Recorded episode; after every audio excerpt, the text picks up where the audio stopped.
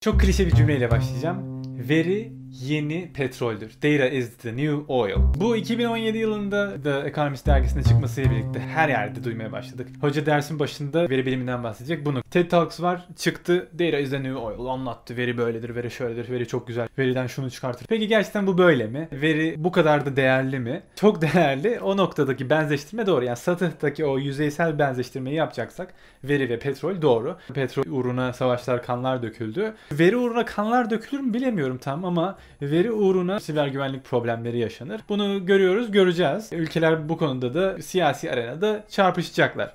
Bunlar benzeştiriyor okey. Fakat bunların işleyişleri çok bambaşka şeyler. Bir tanesi bir enerji kaynağı olarak miktarı sabit belirli bir şekilde çıkartılıp değerlendirilebiliyor. Veri ise çok daha farklı ve zengin, çok daha büyük ve her zaman dinamik olan, her zaman daha da beslenen çünkü hepimiz yürüyen bir veri kaynağıyız. Ben konuştum, ben duydum, ben yazdım, ben yürüdüm, ben nefes aldım, ben dokundum. Yani telefonumuzu açıyoruz, telefona bak, uygulamalarda hangisinde ne kadar bulunduğunu görürsün. Instagram 100 milyon tane post video paylaşılıyor. Twitter'da hakeza büyük ihtimal daha da fazladır Twitter'da atılan tweet sayısı. YouTube'da her gün yeni yeni videolar paylaşılıyor. Bu bizim bildiğimiz paylaştığımız şeyler. Bir de bilmediğimiz az önce söylediğim gibi benim hareketim takip ediliyor. Benim adımım, benim ekranda dokunduğum yerler. Bunu bilerek uygulamayı ona göre yapıyorlar. Yani artık bu veriyi değerlendirip analiz edip onu materyal hale getirip ondan para kazanıyor insanlar. Kimileri işte ticaretini yapıyor, kimi pazarlamasını yapıyor. Kimileri bunun siyasetini yapıyor. Evet, her şey çalışılıyor. Obama'nın esprileri çalışılıyor. Neye gülünüyor? Adamlar bu dönemde nelerle ilgili şeyler duymak istiyorlar. Ve bunların hepsi aslında veri bilimi. Dünyamız artık sayılara indirgenmeye çalışılıyor ve daha net kesin sonuçlar arıyoruz. Ben mesela iktisat seçerken de insanı merak ediyordum. Elimde belli bir kaynak var ve sınırlarım da var. Ve ben en doğru kararı nasıl verebilirim? Böyle tahminlerde bulunabilmeyi sağlıyordu iktisat ve önce de insanı tanımayı sağlıyordu. Çünkü her şeyin merkezinde biz varız. Hayatın yegane öznesi, varlığın en kıymetli unsuruyuz. Biz yaşıyoruz, biz yaşatıyoruz etrafımızdakileri. Benim iktisata gelme yaklaşımım buydu ama artık dünya biraz buna geliyor ya. Hani sosyal bilimler videomuz da vardı Ömer de bahsediyor. Her şey istatistik temelli olmaya başladı. Her şey kesin sonuçlar arıyor. Her şey veri temelli olması lazım. Böyle bir dünyada da ister istemez sanat da kendi payına düşeni alıyor.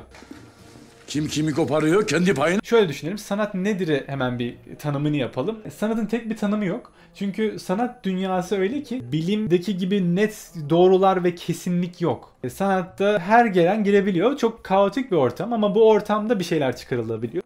O yüzden tek bir tanım söylemeyeceğim ama genel geçer işte bir insanın kendisini ifade etme şekli diyebiliriz. İnsanın bir güzeli algılayıp kendi içerisinde bir süreçten geçirdikten sonra dış dünyada aldıklarıyla bir ifade etme aracı sanat, üretim şekli. Nasıl üretim şekli diyebiliriz, diyebiliriz, diyebiliriz.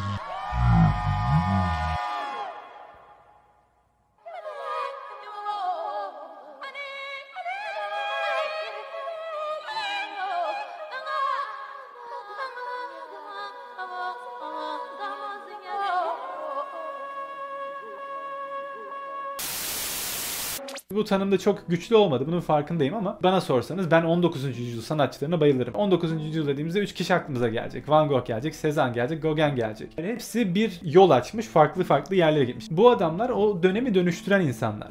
Ondan sonra 20. yüzyıl tamamen bunların attıkları adımlarla ilerliyor. Ve ben mesela sanat dediğimde o dönemi direkt aklıma getiriyorum. Yani tamam Rönesans başka. Hepsinin değeri yani Kuzey Rönesansı dedin mi? John Van Eyck'i diyeceksin. Bruegel'i diyeceksin. Bunların tabloları çok çok estetik, çok seversin. Sanatçı döneminin üzerindeki bilgiye çıkmazsa ölüyor sanatçı. Yarınlara kalamıyor. Kendi hamurunda yoğurduğu şeyi çıkardığında dönemin açtığında benim için çok özel bir yere gelebiliyor. Ki bunların bir tanesi de en önemlisi hatta belki hepinizin de bildiği Picasso. Niye Picasso değerli? Niye Picasso bu kadar önemli bir insan? 20. yüzyılda bir tane adam söylesen sanatçı bunu diyeceksin. Adam tarihi yaşamış ve tarihi anlatabilmiş. Guernica'yı biliyorsunuz hepiniz. Biz bizeyiz lütfen doğru söyleyin. İlk gördüğünüzde hiç ilginiz yok ya da bir çocuk gördüğünde etkileniyor mu bu kadar? Bundan emin değilim. Yani bunu ben de çizerim diyebiliyor insanlar. Hatta çağdaş sanata gittiğimizde bunu ben yaparım ama yapmadın diye cevap da gelir aslında. Ama bunu ben yaparım diyen çok fazla insan gelir, görür. Niye sanattır bunun cevabını veremezler. Picasso'nun o eserini anlayabilmek için aslında Picasso'nun bir yaşayışını bilmek lazım. Onun dönemlerini bilmek lazım. Neyin üstüne geldiğini bilmek lazım. Ve niçin onu çizdiğini bilmek lazım. Bu çizgiyi içerisinde değerlendirdiğinde, o bağlamda değerlendirdiğinde Picasso çok özel. Çok önemli. Picasso'yu Picasso yapan döneminin ötesine geçmekti. Hatta Picasso Cézanne'a laf atar derdi ki Cézanne doğayı karşısına aldı ve öyle üretmeye başladı. Bense doğanın ötesine geçtim. I need to see things in a new way. Yani doğanın ötesine geçmiş olmak demek kendi gördüklerini, yaşadıklarını, duyumsadıklarını bir potada eritip ben başka bir gerçeklik çizmeye çalıştım diyebilmek ve böyle dediğinde benim ister istemez aklıma işte bu dönem geliyor. Çünkü sanatçı artık bu dönemde sadece kendi tecrübeleri ve deneyimleri üzerinden beslenmek zorunda değil. Elinde başka büyük bir imkan var. Sonsuz kaydın olduğu bu dönemde artık çok zengin bir beslenme kaynağına sahip veriler. Hadi resimle benzeştirelim bu yeni medya sanatını. Eskiden resim çizerken kullandığın boya belliydi. Onu farklı yapan karıştırdığın şeyler oluyordu. Boyanın yerine artık veri sanatında kodlar almış oldu. Vurduğun fırça darbesi senin tarzını ve üslubunu gösterirdi. Şimdi kullandığın model senin fırçan haline gelmiş oldu. Yani demiyorum ki sanatçı illa bir gerçeklik sunmak zorunda. Duyguya da hitap edebilir. Bunlar sanatın içerisinde var. Fakat dünyayı anlatmak adına, kendini ifade etmek adına sanatçılar artık kodları ve verileri kullanmaya başladı. Ve bu da bu dönemde yeni medya sanatının altında veri sanatını ortaya çıkardı. Veri sanatı deyince de akla bir isim gelir. Bizim için özellikle bir isim gelir. Dünyada da önemli bir yeri vardır. Refik Anadol. Birçoğunuz biliyordur. İstanbul'da da sergisi yapılmıştı. Eriyen Hatıralar sergisi. Refik Anadolu'nun veri sanatına yaklaştığı yer artık sanatçı kimdir sorusunu bize sordurtmaya başlıyor. Onun sanatında üreten insan mı, üreten makine mi onu tam bir çıkaramıyor oluyorsunuz. Kullandığı makine öğrenmesi, yapay zeka algoritmalarıyla bize bir sanat eseri ortaya çıkartıyor Refik Anadol. Makine öğrenmesini de kısaca şöyle açıklayabiliriz. Görüntü işlemeyle artık makineye bir şeyler öğretilebiliyor. Hani hepiniz web sitesine girerken diyorlar ya robot musun değil misin gibi bir 9 karelik bir şey çıkıyor. Sana soruyor işte palmiye olanları tıkla. Palmiye fotoğrafını tıklıyorsun sonra gidiyor.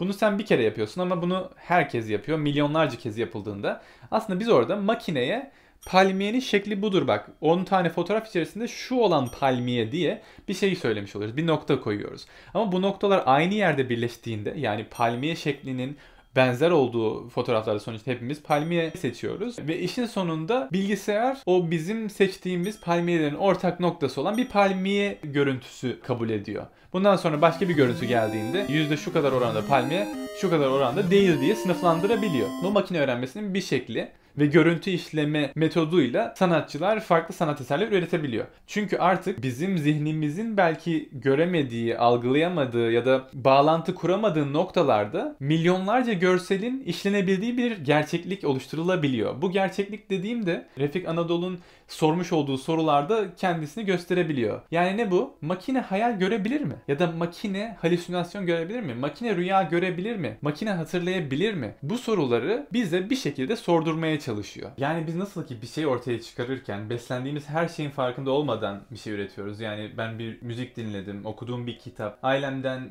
çocukken dinlediğim ninni bunların hepsi aslında benim üretim sürecimde bir şekilde belki yerini bulabiliyorken. Ama bunun milyonlarca uyarıcıyla etkilenen bir makine ile yapıldığını düşünün. İşte burada acaba bir rüya mı görüyor makine gibi bir şey anlatmaya çalışıyor. Yani bir örnek vereyim. Bir New York düşünün. New York'un tarih boyunca yüz binlerce, milyonlarca fotoğraf çekilmiş. Kayıt altına alınmış. Bu görselleri bir generatif yani biraz daha rastlantısal bir modelle bize bir şey anlatmaya çalışıyor Refik Anadol. Ve orada bir bütün içerisinde yani sahnede bulunman, müzede bulunman, işte etrafını çepeçevre görsellerle çevrilmesi sana şunu düşündürtüyor. Ben şu an makinenin beynindeyim ve makine bu 1 milyon tane görseli işliyor ve bana onun rüya görme şeyin deneyimini Refik anlatmaya çalışıyor. Yani bir bakıma Refik'in yaptığı iş biz kendi zihnimizle işleyemediğimiz kadar büyük görselleri makineyle işletebilmek ve makineyle bir şey anlatabilmek. Yani bizim kapasitemizin üstünde olduğu için biz oradaki görsellerdeki o bağlantıyı zihnimizde kuramıyoruz. Ama bu bütün veriler içerisinde bir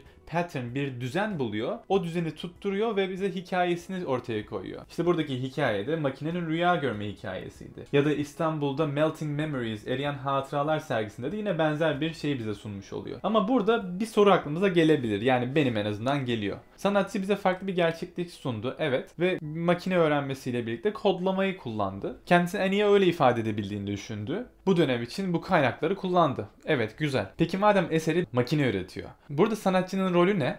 her kodlama bilen sanatçı mı oluyor? Yani ben bilgisayar mühendislerinin hepsine sanatçı diyebilir miyim? E, tabii ki diyemem. Yani nasıl ki her resim çizen, her eli kalem tutan, her güzel çizen ressam olmadığı gibi ya da iyi sanatçı olmadığı gibi her kodlama yazan da sanatçı olmuyor. Bunu biraz o anlattığım 4 sanatçı üzerinden gelelim. Bu adamları büyük sanatçı yapan şey dönemlerine ışık tutmaktı. Dönemlerindeki bazı gerçeklikleri yıkmak ve ötesine geçmekti. Her kodlayanın sanatçı olamayacağı gerçeği bize şunu söylüyor. Biz aslında bir sanat üretiminde fikirsel bir yerden beslenmemiz gerekiyor. Bunu yaparken ortaya koyduğumuz hikaye tutarlı olması lazım. Ya benim zihnimde bir hikaye var. Ben bu hikayeyi size anlatmak istiyorum. Ve en rahat ifade ettiğim dil olan kodları kullanıyorum. Ama buradaki önemli kısım kodu kullanmak olmuyor. Buradaki önemli kısım aklımda bir hikayenin bulunması ve size o hikayeyi daha güzel bir dille sunabiliyor olmam oluyor. İşte bu devirde bu kaynakların fazlalığıyla da daha tutarlı bir hikaye oluşturmak istiyor sanatçılar. İşte buradaki o dört sanatçıyla ben Refik'i de benzeştirmeye başlıyorum. Çünkü dönemini yıkan, döneminin ötesinde bir şeyler yapmaya çalışan bir insan. Yine de bu denli estetik ve özel işler yapmasına rağmen ben başka tür veri sanatına daha ilgi duyuyorum. Duyguya hitap etmesinden çok artık var olan verilerle bize bir mesaj veren eserleri daha çok seviyorum. Buna örnek vermek gerekirse Ali Miharbi'nin Delegasyon isimli bir eseri vardı. Oradaki yaptığı şey şu. Türkiye'deki meclisteki milletvekillerini alıyor, görsellerini alıyor ve bunu makineden geçiriyor. Makineye önce bunu öğretiyor. Görüntü işlemenin ne olduğunu az önce biraz bahsettim. Ali Miharbi bu görüntüleri makineye öğretiyor önce. Daha sonrasında izleyici olarak ben sergiye gittiğimde geliyorum ekranın karşısına, duruyorum, yüzümü algılıyor makine ve bana diyor ki evet Mehmet sen meclisimizde şu kadar oranda temsil ediliyorsun gibi bir şey söylüyor. Bunu nasıl yapıyor? Makinenin bir modeli vardı. Benim yüzümü aldı ve şöyle bir şeyle karşımıza çıkıyor. Benim kendi görselim var. Yanında makinenin o verilerle beslenmiş olduğu bir görsel var. Ben ne kadar çok temsil ediliyorsam o kadar çok net görünüyorum o ekranda. Yani temsiliyetinin derecesini görebiliyorsun burada. Tabii ki bu direkt bir temsiliyet değil. Güçlü bir argümanı yok görsel olarak temsiliyetini görmüş oluyorsun orada. Ama yine de bize bir fikri sunuyor. Ben meclisteki insanları gördüm. Fakat kendi zihnimde evet bana çok benziyor ya diyemedim. Ya da bu kadar temsil ediyorum, oranım bu kadar gibi bir şey söyleyemedim. Ama burada bu deneyimi bana sunması, benim farkında olmadığım bir gerçeği bana sunması, dünyayı tanımayı sağlayabilmesi benim için veri sanatını özel bir yere koyuyor. Yani arkadaşlar öyle yeni medya sanatında özellikle bunun özelinde de veri sanatında, data art'ta baştan sona apaçık bir tane yol yok. Farklı medyumlarla, farklı araçlarla farklı ürünler çıkabiliyor. Kimi bilgisayara şiir yazdırıyor. Kimi bilgisayara ressamların yaptığı tabloları birleştirip farklı bir tablo ortaya koyuyor. Kimi de verilerden bir görselleştirme, bir heykel görselleştirmesi yapıyor. Birbirinden farklı işler var. İsterseniz bu konu hakkında daha da video çekebiliriz. Hatta bazı sanatçıların eserlerini inceleyebiliriz birlikte. Eğer böyle videoların devamını istiyorsanız yorum yazalım. Deri artı biraz daha açabiliriz. Sanat tarihiyle ilgili videoları belki daha da getirebiliriz. Benim hem zevkle çekeceğim hem de sizinle paylaşmayı çok isteyebileceğim bir alan bu. Ee, dediğim gibi bir sonraki videolar belki de Amerika'da bu konu hakkında yapılan çalışmaları ya da işte sergileri gezerek olabilir. Birazcık karşılıklı bir etkileşim olsun istiyorum. Yorumlarınızı lütfen esirgemeyin yazın. Beğenmediyseniz beğenmediğinizi de yazın. Ona göre ben de değerlendireyim. Ee, böyle bir deneme oldu. Çok teşekkür ederiz. Bir soru sorup bitiriyorum. Sizce sanat nedir? Hadi bakayım. Kolay yapamadım ben tanımı. Bakalım biraz da siz yapın yapabiliyorsanız. Sanat illa güzel olmalı mı? Bir de buna cevap verebilirsiniz. Hoşçakalın diyorum. Kendinize iyi bakın. Şöyle bir kapatmak üzereyim.